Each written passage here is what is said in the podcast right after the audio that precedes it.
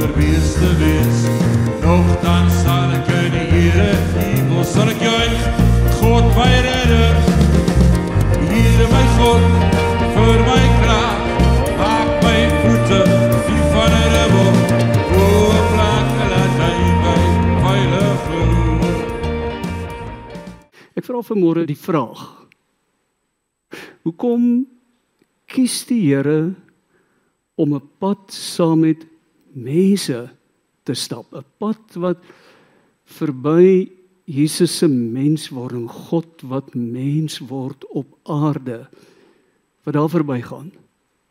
En dan ook verby 'n kruis en 'n graf. En opstanding Sondag God wat weer na die hemel opvaar. Hoekom loop God hierdie pad met ons? Die skrywer van Efesiërs 2 gee antwoord daarop. Dis 'n verrassende antwoord.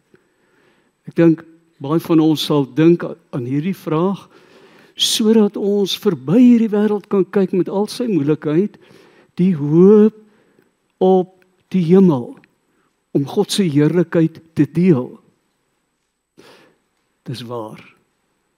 Maar dis net die helfte van die waarheid. Hemelse Vader, ons bid dat U met ons sal praat. Ons wil graag luister. En terwyl ons luister en oor U woord nadink, dat U wat deur U Gees in ons woon en werk, ons ook sal kom verander. Ander mense, mense wat anders dink en doen as ons uit die kerk uitstap. Amen. Efesiërs 2 vers 1.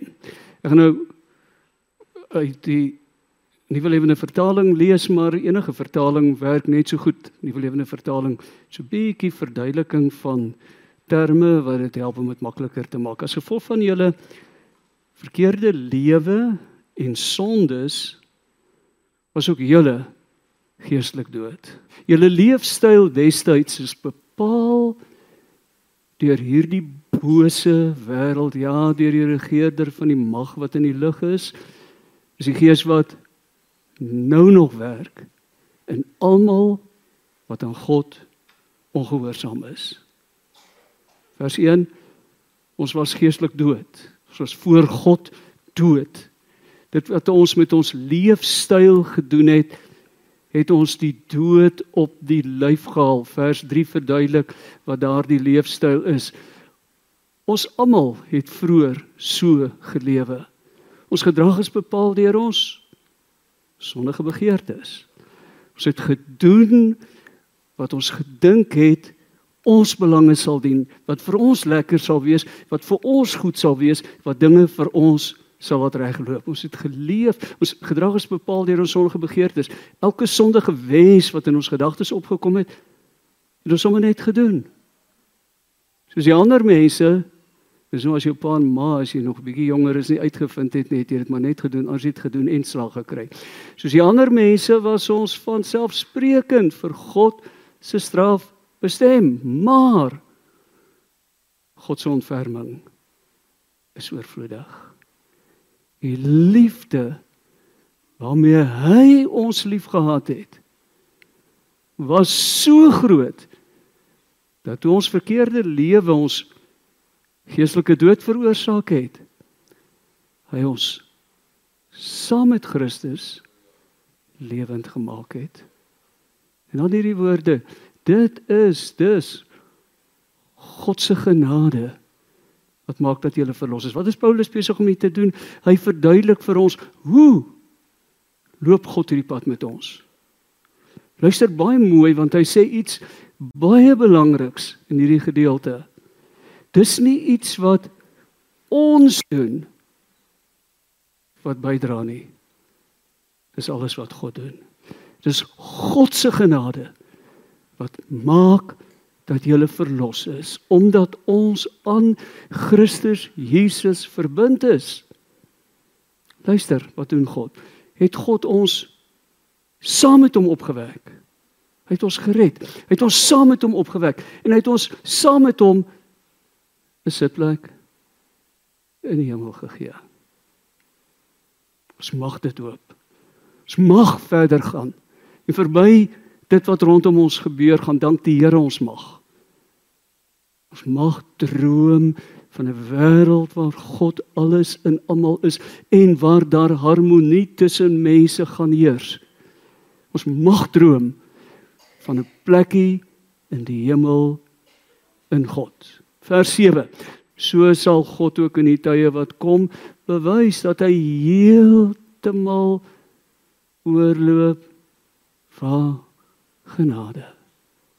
Hy loop oor van genade. Want in sy oorvloedige liefde het hy nou nou vertel, sê Paulus, het God hierdie pad vir ons gekies. Die goedheid wat God ons deur Christus Jesus gegee het, sal ons bewys dien. Dis mos die genade wat julle verlos het deurdat julle tot geloof gekom het. En nou herhaal hy dit weer en julle verlossing kom nie uit jouself nie maar is 'n gawe van God. Selfs die geloof om op die plek te kom waar ek sê Here ek glo kom van God af. Is 'n gawe wat hy ons gee. En dan vers 9 hier's nou wat ons kan doen twee dinge dis nie die gevolg van julle dade nie. Niemand kan daaroor groot praat nie. Dit is ook nie rede om meerderwaardig te wees teenoor ander mense wat nie die genade ontvang het wat ons is nie want hoe sê die liedjie wat ons is is net genade. Wat ons kry is wat die Here vir ons leen. Niemand kan daaroor groot praat nie want ons is God se handewerk. Sy maaksel. Hy het ons met sy hande gemaak en hy het dit met 'n spesifieke doel en rede gedoen. Wat is daardie doel en rede? Hoekom loop God so 'n pad met mense wat dit nie verdien nie?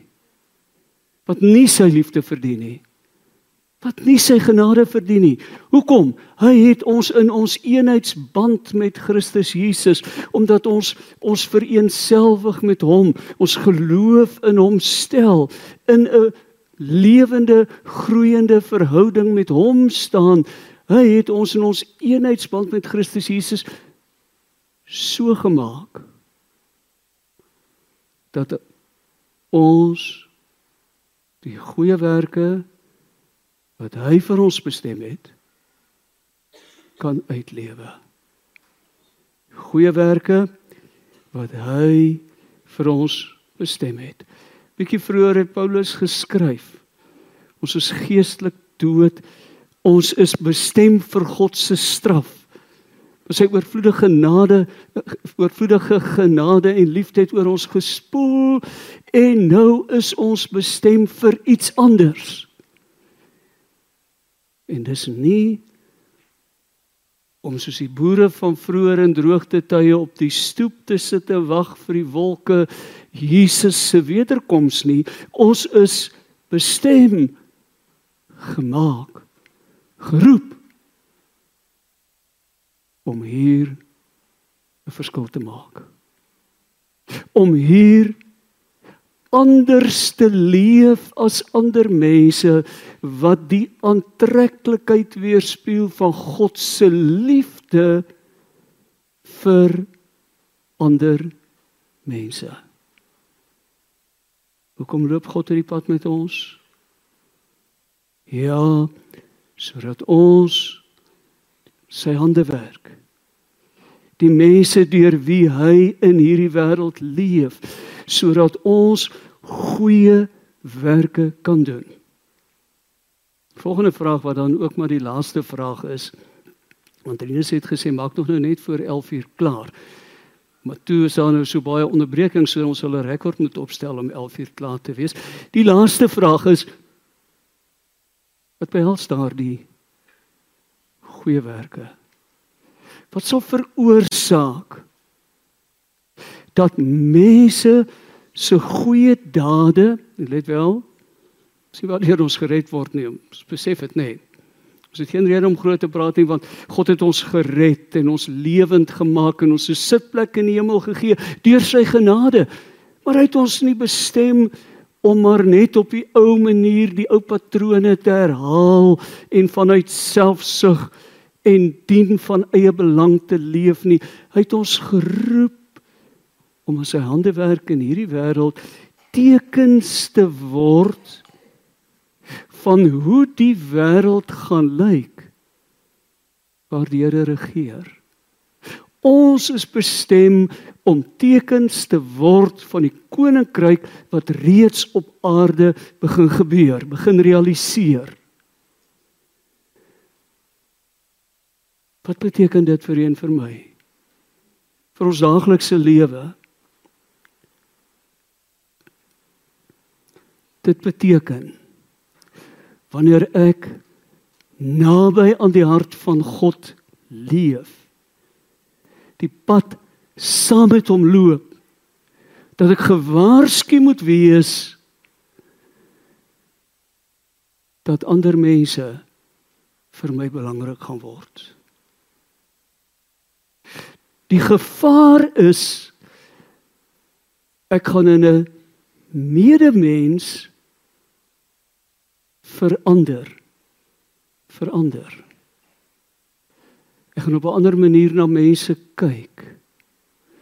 Ek gaan hulle dalk vir die eerste keer raak sien en raak hoor daar's taalgroepe in die wêreld wat so groet ek sien jou Ek groet mense en ek sien dikwels nee. Want my kop is op 'n ander plek. Ek het al by mense verbygegaan en agterna gehoor deur watter trauma hulle besig was om te gaan.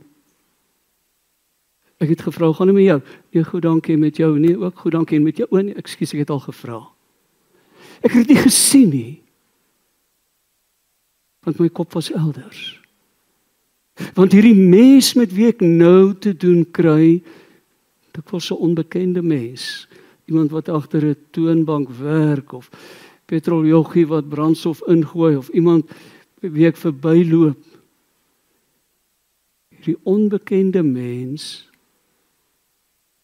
is bestem om die rede te word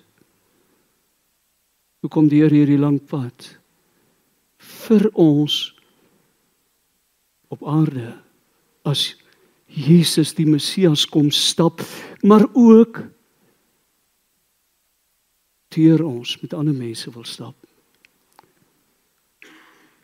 Deurdat ek 'n ander mens sien en raak hoor. Hoeveel keer gebeur dit nie dat terwyl ek na iemand luister, my kop in hoogste versnelling is want dit roep 'n klomp assosiasies op en ek dink sommer aan 'n klomp goed waarop ek graag kommentaar wil lewer en my eie storieetjies kan vertel en eintlik hoor ek nie regtig die mense sê nie totdat die mens vir my so belangrik raak dat ek heel hartig luister. Wat hierdie mense sê. Want ons is geroep om 'n verskil in ander mense se lewens te maak. En hoe kan ek dit doen? Deur daar te wees vir hulle en dan met 'n doel so 'n stukkie son skyn en kleur in daardie mens se lewe in te dra.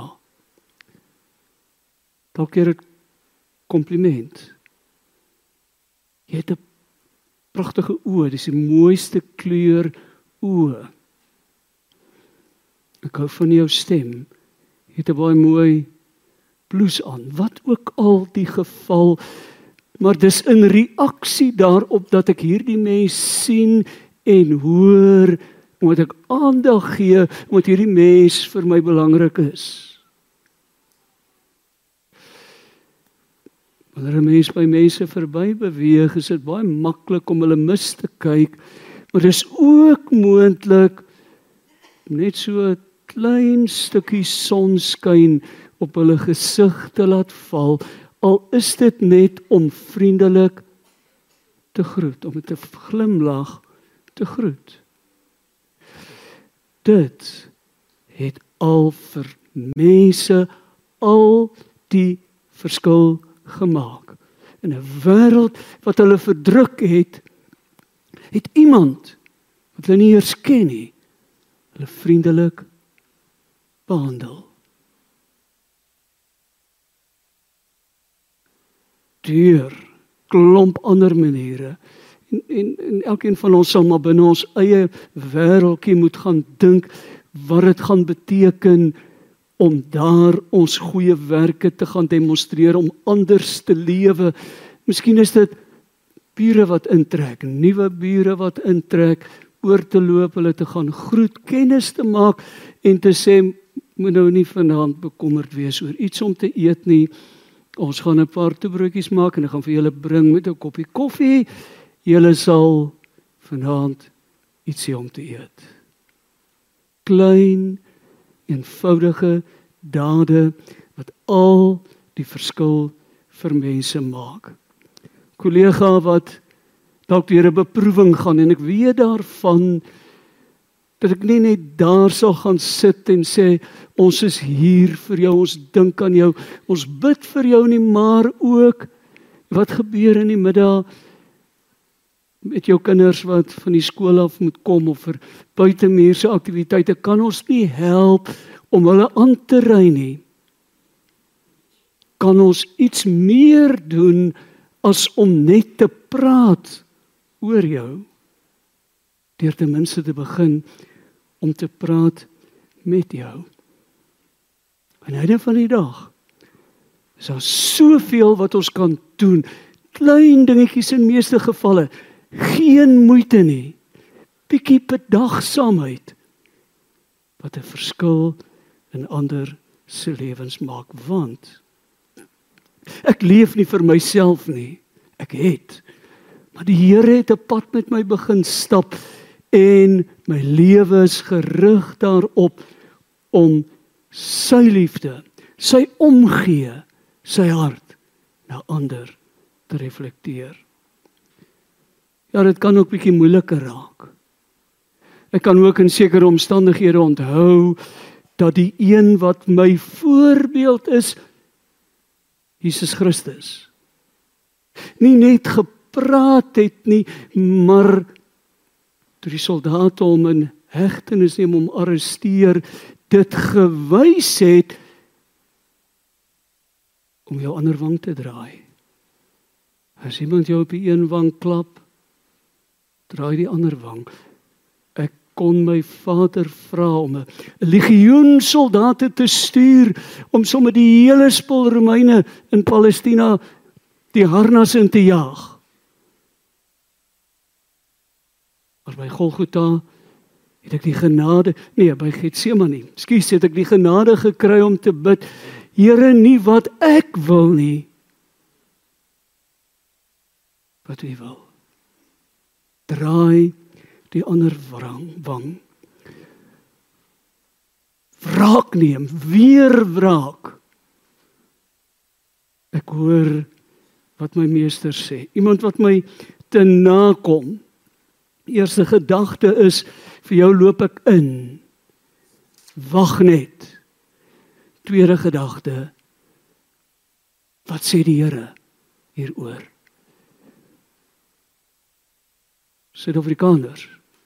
Die lanklaas lig sulke soort sonskyn nodig gehad omdat vir baie van ons die toekoms begin donker word het onder die huidige regering. En ons moedeloos begin raak het. Ons het nodig dat mense ons herinner aan die basiese goedheid wat God in mense gestel het. Ja, dit vra ook soms dat ek my kruis sal opneem en dit dra en as ouer 7 maande oud, gee nog so klein bietjie kans. Nou hou hierdie mense jou uit die slaap deur nie te wil slaap wanneer ander normale mense slaap nie.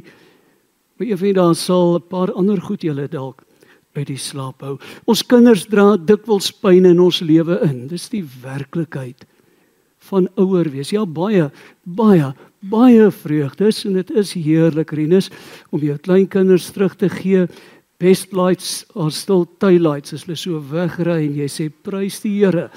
Hulle is hulle pa ma se skade en moeilikheid. Ons kinders dra soms pyn in ons lewe en die goed hou nie op nie. Die probleem is net, wat die ou mense gesê as hulle klein is trap hulle jou skoot stukkend, as hulle groot is jou hart. Hulle bly jou kind. Al sit hy in die tronk en al bid jy nog maar jy praat nie eintlik meer oor die goed nie. Bly jou kind, hy maak jou soms seer. Maar jy is nog steeds geroep om pa en ma vir hierdie mens te wees. Om te gee soos God omgee. En aan te hou om die Vader se hart na hulle toe te weerspieël. Al beteken dit dat hulle vir jou finansiëel ruïneer en jou kans om ordentlik af te tree vir jou kleineer. Of emosionele pyn wanneer jy getroud is vra dit dikwels opofferings ek moes nou nie voorbeelde te noem nie. Vra maar enige normale man wat langer as 3 maande getroud is en hy sal dit sommer vir jou doen. Waar jy jou tong moet byt en stil bly. En as jy praat, doen jy dit met enorme risiko. Hoopelik later eers sal praat. Verduur en verdra. Al is dit net ter wille van die bure wat sê, hoor hoe skree hulle alweer, hulle gaan mekaar effe daai vermoor. Ja, en dan as jy ouer word, dan vra dit dikwels ander pryse. 'n maat wat demensie kry. 'n maat wat sieklik word.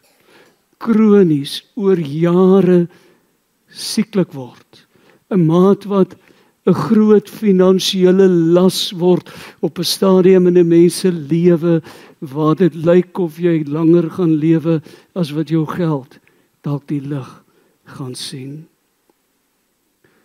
'n teken van God wat in hierdie wêreld begin regeer en harmonie en vrede bring in my huis en in my wêreld te word. Dis wanneer dis hoe ons 'n verskil maak. En dis die verskil tussen 'n getroue kerkganger met 'n gesalfde gewete. My boekie is by die Here reg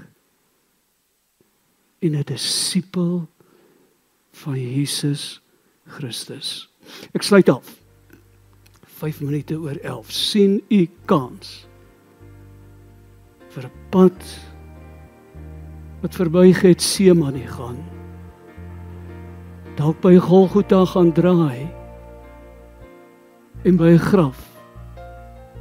sien u kans vir 'n pad wat ja eindig met God wat ons opwek in 'n nuwe lewe en ons ons plekkie in die hemel in sy teenwoordigheid gee. Dis die maklike een. Ek het gesê, dis die maklike helfte. sien die kans vir die eerste helfte wat noodsaaklik is om daar te kom, die pad van disipel wees, die pad van die kruis, die pad van lewe af lê soms in klein maniertjies, ander op groot maniere lewe af lê ter wille van Jesus. en die mense met wie ek te doen kry. Kom ons sluit af met gebed. Heilige Gees, U wat God in ons is. Ons bid dat U nie sal ophou praat en ophou werk in ons lewe, ophou ons harte verander nie totdat ons word wat U bestem het ons sal wees. Totdat ons U droom oor ons lewe sal verwesenlik, die droom wat U verby Getsemane en Golgotha. En die graf gevat het. Kom verander ons harte. Kom verander die manier wat ons leef omdat U die manier verander wat ons dink. Maak ons getroue disippels van die man wat in die stofstrate van Palestina gestap het. En eers agterna het mense besef dit was God. Amen.